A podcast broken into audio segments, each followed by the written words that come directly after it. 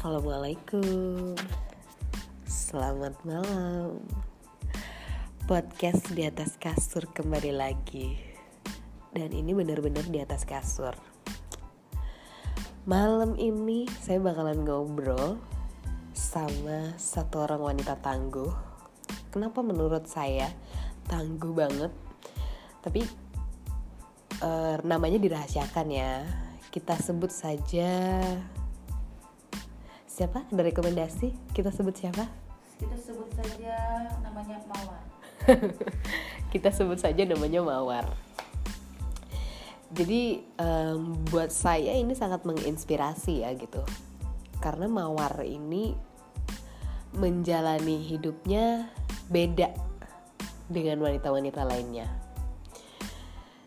Jadi mawar ini adalah seorang istri kedua wah keren nih. Dan mawar ini ngejalaninnya dengan asumsi pemikiran dan cara yang beda gitu. Jadi langsung pernah pada penasaran langsung aja nih ya. Halo mawar assalamualaikum. Halo waalaikumsalam. Kita langsung aja nih mawar ya. Oh iya. Tapi by the way thank you banget nih ya udah mau jadi narasumber podcast di atas kasur kali ini ya harus ya karena untuk membuka mindset orang-orang di luar sana Bener Karena kan kebanyakan orang gitu nganggap yang namanya second wife, istri kedua itu adalah sesuatu yang buruk gitu. Mm-mm, betul Kayak sering dinyinyirin. Nyinyirin beban moral, Bener. istri tiri, segala macam yang saya dengar ya di antara teman-teman yang lain yang sama dengan saya. Mm-mm. Terus yang kayak eh, diomongin tetangga gitu. Betul banget ya tadi beban moral kan jatuhnya karena terlalu ya terlalu banyak omongan orang-orang di luar sana yang menganggap istri kedua adalah perebut. Nah kalau menurut kamu itu sebenarnya kayak gimana sih? Kalau saya, saya tidak pernah merasa sebagai perebut. Saya datang hadir sebagai penambah kasih sayang. Lebih enak kan didengar kan penambah kasih sayang, bukan perebut. Kalau direbut uh, dihabiskan sama sekali nih. Benar-benar kita rebut, kita yang mengurus semua isi pemikiran, uh, kasih sayang dan lain-lain. Saya hadir sebagai penambah. Di mana-mana hal yang ditambah itu lebih membahagiakan. Keren. Jujur nih ya. Ini pertama kali aku denger eh, seorang wanita yang siap menjadi yang kedua dengan mindset yang kayak mawar gitu. Menurut aku ini beda banget gitu. Dan pernah nggak sih kayak ngerasa beban gitu? Nggak pernah. Nggak pernah sama sekali. Nggak pernah sama sekali. Aduh sorry aku nggak boleh. bebannya dari hal yang mana ya kalau kita udah merasa benar saya sih mikirnya gini Hmm. ah, selama saya tidak melanggar koridor Islam saya di jalan yang benar Hmm. tidak ada yang perlu saya jadikan beban karena hidup saya cukup diri saya saya dengan orang tua saya saya dengan suami saya dan saya dengan Tuhan itulah yang dicatat dan itu yang akan dipertimbangkan Tuhan Tuhan nantinya. Bukan saya dengan orang-orang. Dan saya dengan orang-orang pun yang menjadi pertimbangan adalah bagaimana sikap saya pada orang lain kan? Bukan tentang saya sebagai istri yang kedua atau seperti apa. Jadi saya rasa enjoy aja. Enjoy aja gitu ya. Orang-orang mau nyinyir atau kayak gimana Iya. mandang kita ya udahlah gitu. Toh juga dosa mereka ke saya Uh-uh. pahala mereka transfer ke saya. Kan bener. Toh juga kita yang ngejalanin hidup gitu. Dan kita hidup nggak dari omongan orang lain. Betul nah eh, kalau boleh tahu nih awal mula gitu ketemu sama suami ini kayak gimana sih? Awal mulanya ya karena karena hubungan dengan profesi saya ya. Heeh. jadi ya hubungannya adalah uh, antara saya dengan pasien. Heeh. terus uh, berlanjut karena ngobrolnya nyambung. Terus dan saya anggap uh, suami saya itu pintar. Pintar membawa suasana pintar membuka ide-ide banyak hal uh, inspirasi si- uh, inspirasi dia yang nyambung banget ke saya. Obrolannya dapat banget gitu ya Obrolannya nyambung dapat banget. dari dari segala hal ya. Baik itu bidang karir baik itu secara personal saya dan pemikiran-pemikiran yang sama. Dan itu saya rasa benar-benar uh, untuk langkah ke depan itu nyambung banget ketimbang saya uh, dengan yang lain. Sebenarnya bukan masalah dia udah punya istri Hmm. atau enggak Heeh. atau saya nggak pemilih sebenarnya. Tapi kan gimana ya dapatnya yang sesuai ternyata orang yang sudah memiliki istri. Jadi yang saya nilai bukan latar belakang dia udah memiliki istri atau enggak. Yang saya nilai adalah cocok sayanya dengan dia. Jadi memang bukan kriteria sih kalau harus laki-laki lajang Oh, gokil ya. Jadi satu banding seribu kali ya beneran beneran. Jadi sampai akhirnya ngerasa nyaman, cocok omongan. Mm-mm. Akhirnya eh, suami ngajakin buat nikah gitu ya ya. langsung kita emang nggak ada pacaran Terus kamu bilang, kamu udah tahu kalau dia itu udah punya istri. Jadi gini kita dari awal kenal itu udah langsung jujur posisi kamu gimana segala halnya saya tanya karir kerjaan sekaligus ya status dia punya istri anak segala macam ya saya tentu dong harus tahu dari awal tapi hanya sebatas itu sekali dan saya nggak pernah mau tahu hingga detik ini Wow, awesome. sampai sekarang ini berjalan udah berapa tahun nih? udah hampir setahun setengah Setahun setengah. Pernah kontak-kontakan gak sih sama eh, istri pertama? nggak pernah Nggak pernah sama sekali. nggak pernah Nanyain atau ngobrolin gitu? nggak pernah Cemburu? nggak pernah Nggak pernah kan nggak juga? pernah mau tahu dan tidak menganggap saya sebagai istri kedua kan saya istri gitu aja dan suami saya nggak pernah uh, menekan saya bahwa uh, saya harus membatasi segala hal dengan dia biasa kan istri kedua begitu ya Heeh. Kamu istri kedua ya kamu dibatasi untuk komunikasi atau segala hal lah ya seperti di Eh. media sosial juga suami saya tidak memperlakukan itu jadi saya bingung juga kalau dibilang istri kedua itu namanya doang tapi kehidupan sehari-harinya itu prioritas malah Oh, dia selalu ada gitu ya? selalu ada jadi eh, kalaupun nggak lagi bersama saya juga chatting video call ya tidak tadi tidak terbatas. Saya dengan dia nggak ada yang membatasi saya mau ke mana saya juga holiday dengan dia jadi nggak terbatas sama sekali. Nah kalau misalnya eh, dia ada ini nggak sih kayak datang ke yang pertama gitu, terus pasti, ngebagi waktu.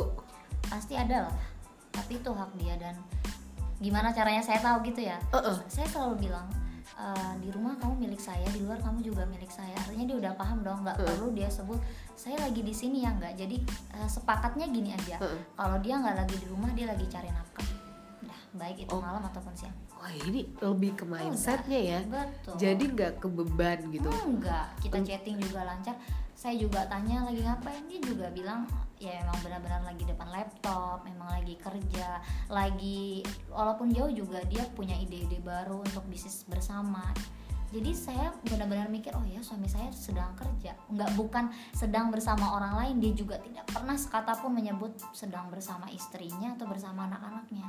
Nggak pernah. karena nggak pernah karena saya pribadi tidak pernah open dengan tidak pernah open untuk bertanya seperti hal-hal yang menyangkut itu akhirnya dia juga jaga perasaan saya kan karena saya juga jaga omongan Wow. Jadi eh, nggak pernah sama sekali kayak cemburu. Oh jangan-jangan dia sama yang pertama lagi. gitu. enggak karena dari awal mikirnya dia udah kerja nggak pernah sama sekali mikir sama sama dan saya, tadi saya bilang saya nggak nganggap sebagai istri yang kedua Eh, masalah ekonomi gimana nih? ekonomi bagus-bagus aja terbagi pas aja sih dan tidak mengurangi dengan yang pertama juga bener ya ternyata uh, ada cerita nabi kan ya.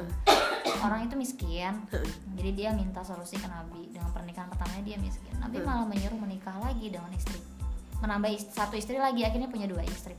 Dengan dua istri malah bertambah miskin. Heeh. akhirnya konsultasi lagi ke nabi kan. Heeh. disuruhlah menikah lagi dengan istri yang ketiga. Punya istri ketiga masih miskin. Menikah lagi dan akhirnya di istri keempat istri keempatnya mempunyai keahlian menjahit. Dan akhirnya ilmu menjahitnya diwariskan kepada istri-istri yang lain dan akhirnya malah mereka sukses. Nah di situlah saya percaya bahwa suami saya juga merasakan itu bahwa ketika menikahi saya tidak ada porsi yang berkurang. Termasuk ekonomi dia justru malah bertambah.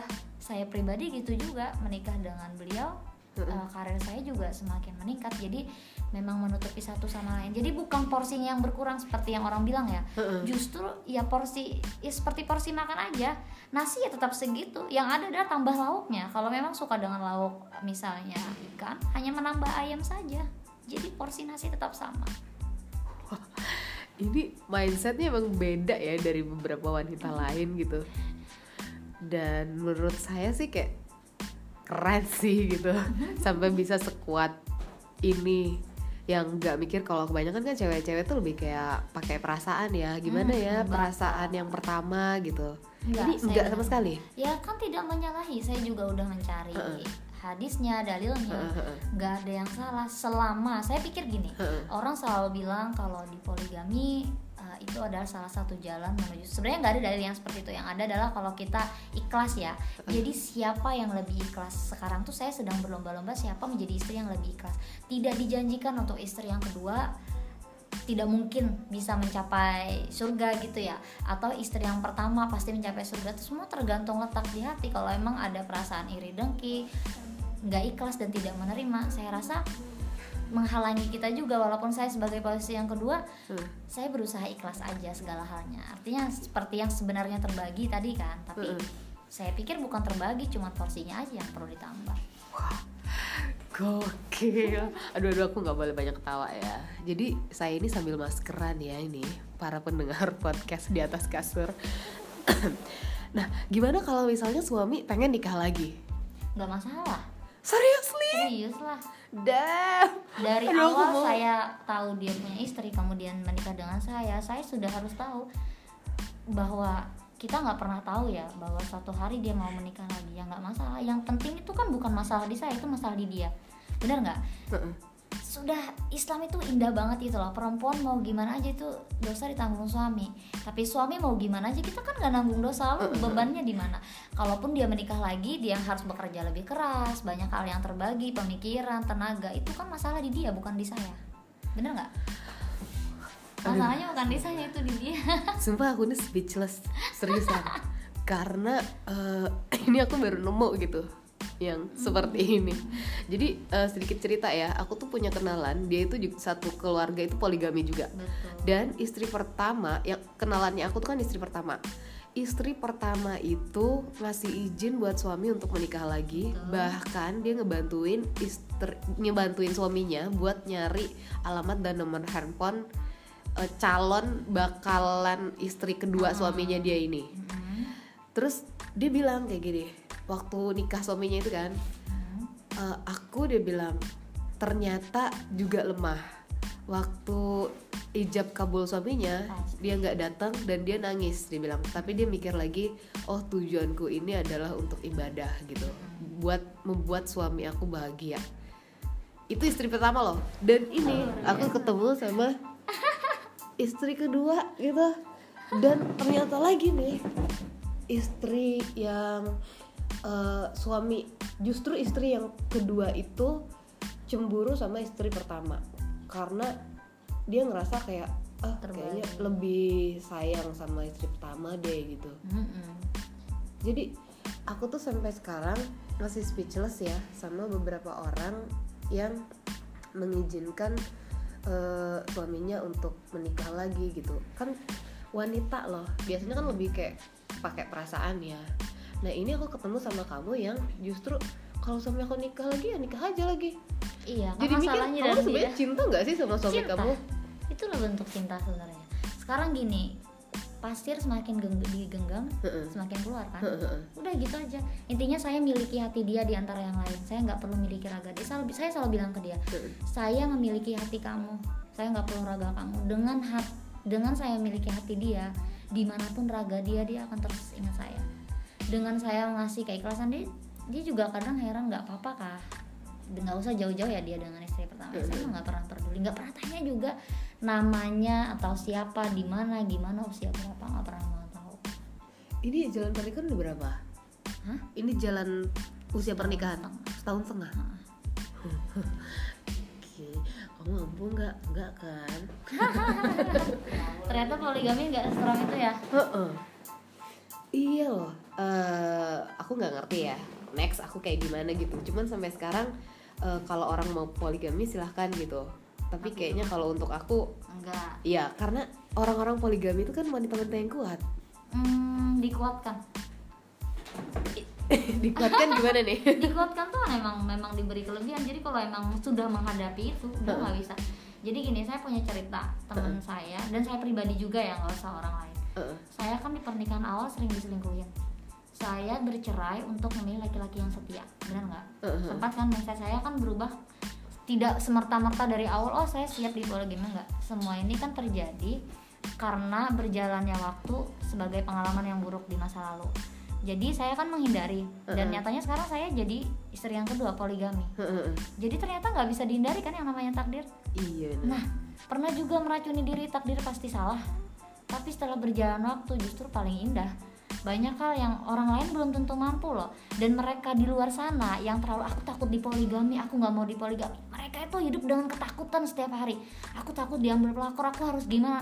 Dan itu membuat pertengkaran malahan. Dan saya oh my god. Bener-bener malah mindset yang aku nggak mau di poligami aku nggak mau diselingkuhin suami HP yang dicek segala macam. Heeh. tapi itu malah terjadi. Dan saya tahu persis suaminya juga akhirnya poligami yang dia takutkan banget itu benar-benar terjadi.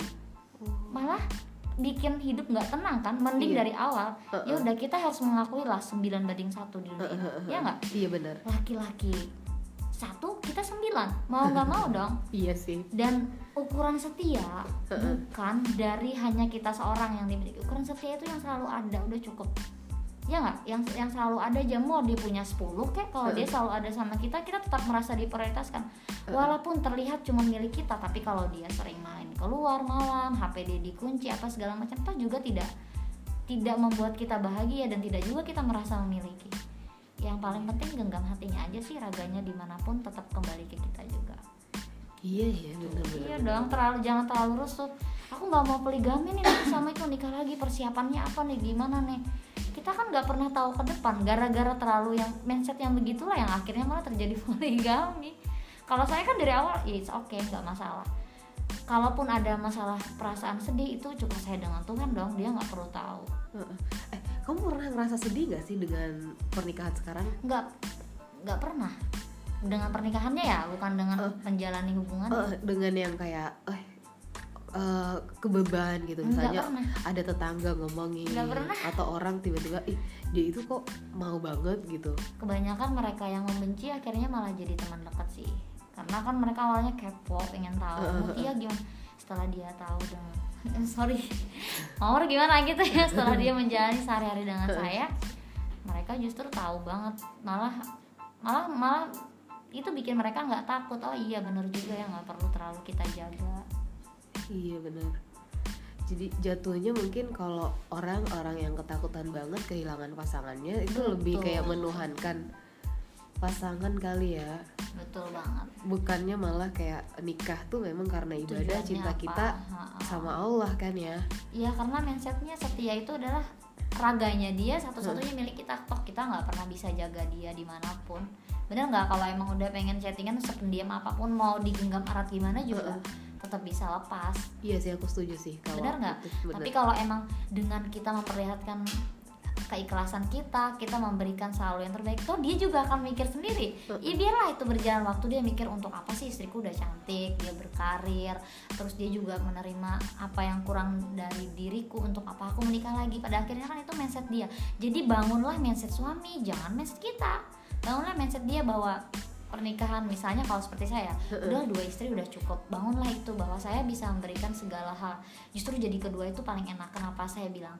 Dia bisa menutupi kekurangan yang pertama bener nggak? Iya. dari awal nikah kenapa nih mau nikah? Pasti ditanyakan karena kurangnya A B C D. Dari situ itulah yang saya nggak ada manusia yang perfect emang. Tapi di situlah saya belajar oh kurangnya istri pertama ini. Kita yang menutupi jadi saya bilang sih lebih enak jadi istri yang kedua.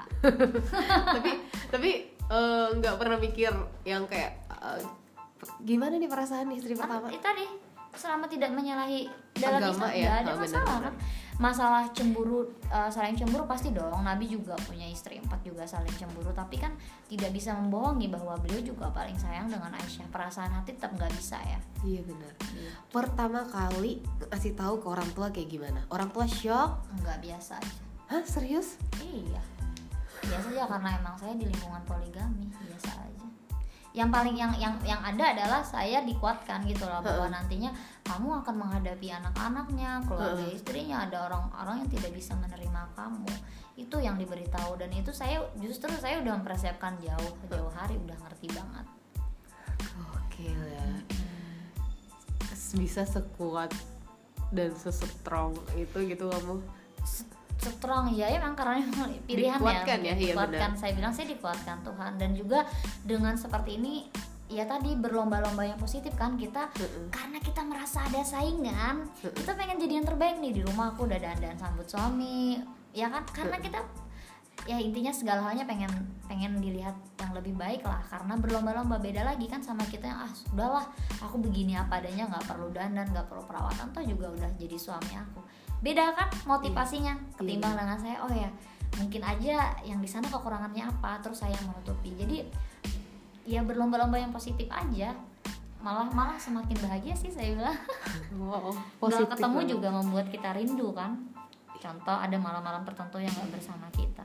Serius kamu tuh orangnya positif banget ya. Iya iya sih ngapain juga mikir-mikir yang negatif mulu ya. Mm-mm. karena ternyata hal-hal negatif itu justru melahirkan sesuatu yang negatif dalam hidup kita gitu. Nah kalau ngebagi waktu betul. si suami ini ada nggak sih porsi gitu ngebagi waktu? Eh, nggak juga sih. Kayak misalnya kebutuhan. jadwal hari ini di istri pertama ini hari kedua besoknya di istri kedua. Eh, bisa juga tapi tergantung kebutuhan. Kalau emang yang di sana lebih butuh ya di sana kalau emang butuhnya ke saya ya ke saya gitu. Selama ini gimana? Selama ini eh, saya sih merasa setiap saya butuh ada terus jadi prioritas aja tadi seperti saya bilang. Selama ini ya gitu lebih butuh di mana? Kalau emang satu minggu full saya lebih butuh ya sama saya. Kalau emang lebih butuh yang di sana ya di sana. Tapi saya juga nggak tanya kenapa nih jarang ke sini Nggak pernah nanya? nggak mandirikan diri aja. Oh dia kayaknya sibuk oh jadi kamu yang kayak kalau misalnya dia lagi kenapa nih nggak di sini mikirnya itu aja gitu ya? Kerja aja. Udah.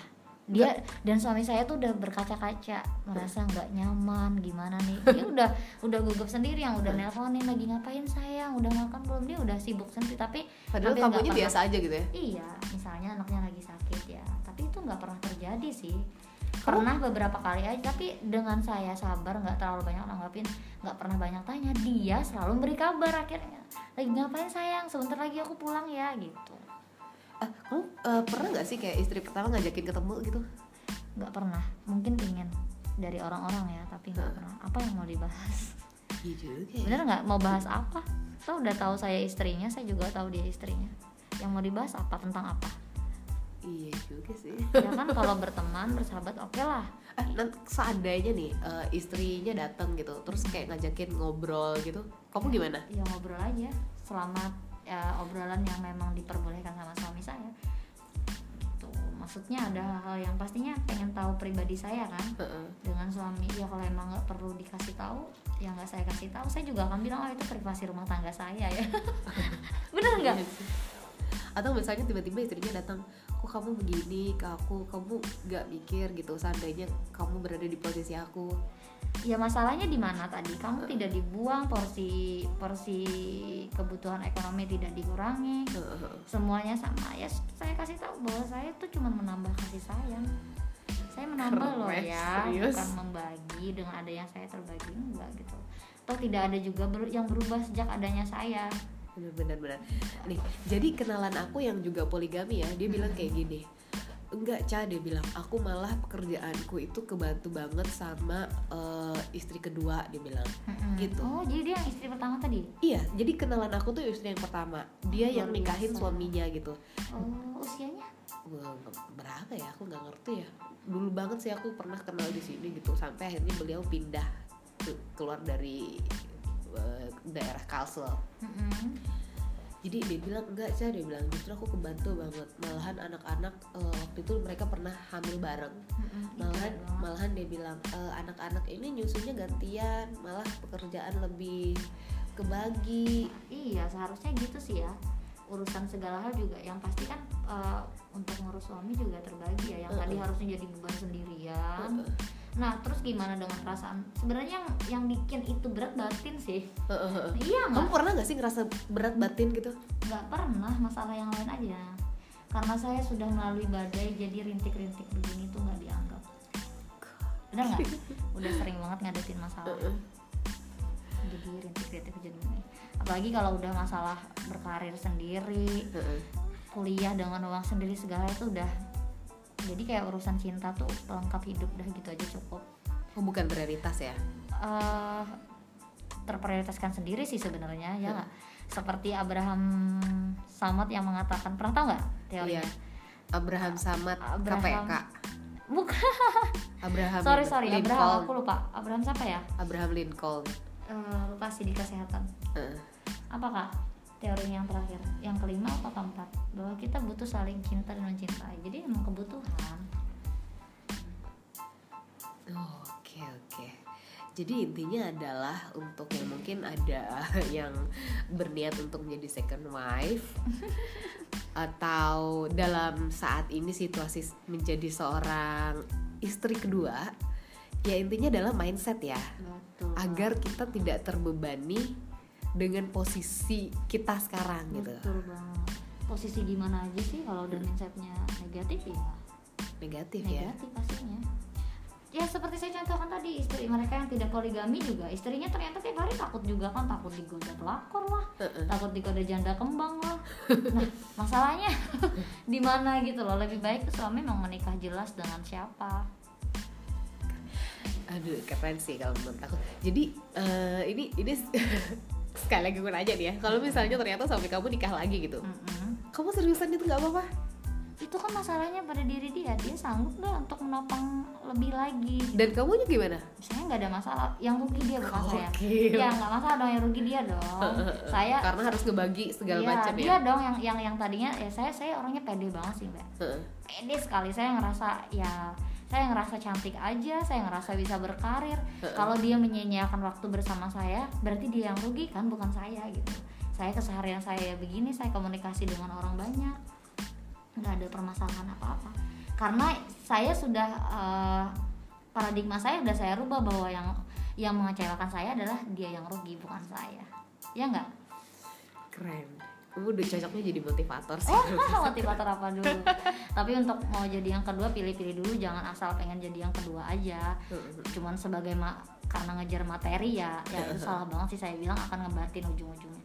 Kalau saya kan tadi kembali lagi saya ngerasa cocok, Heeh. tapi kebetulan posisi dia dia sudah.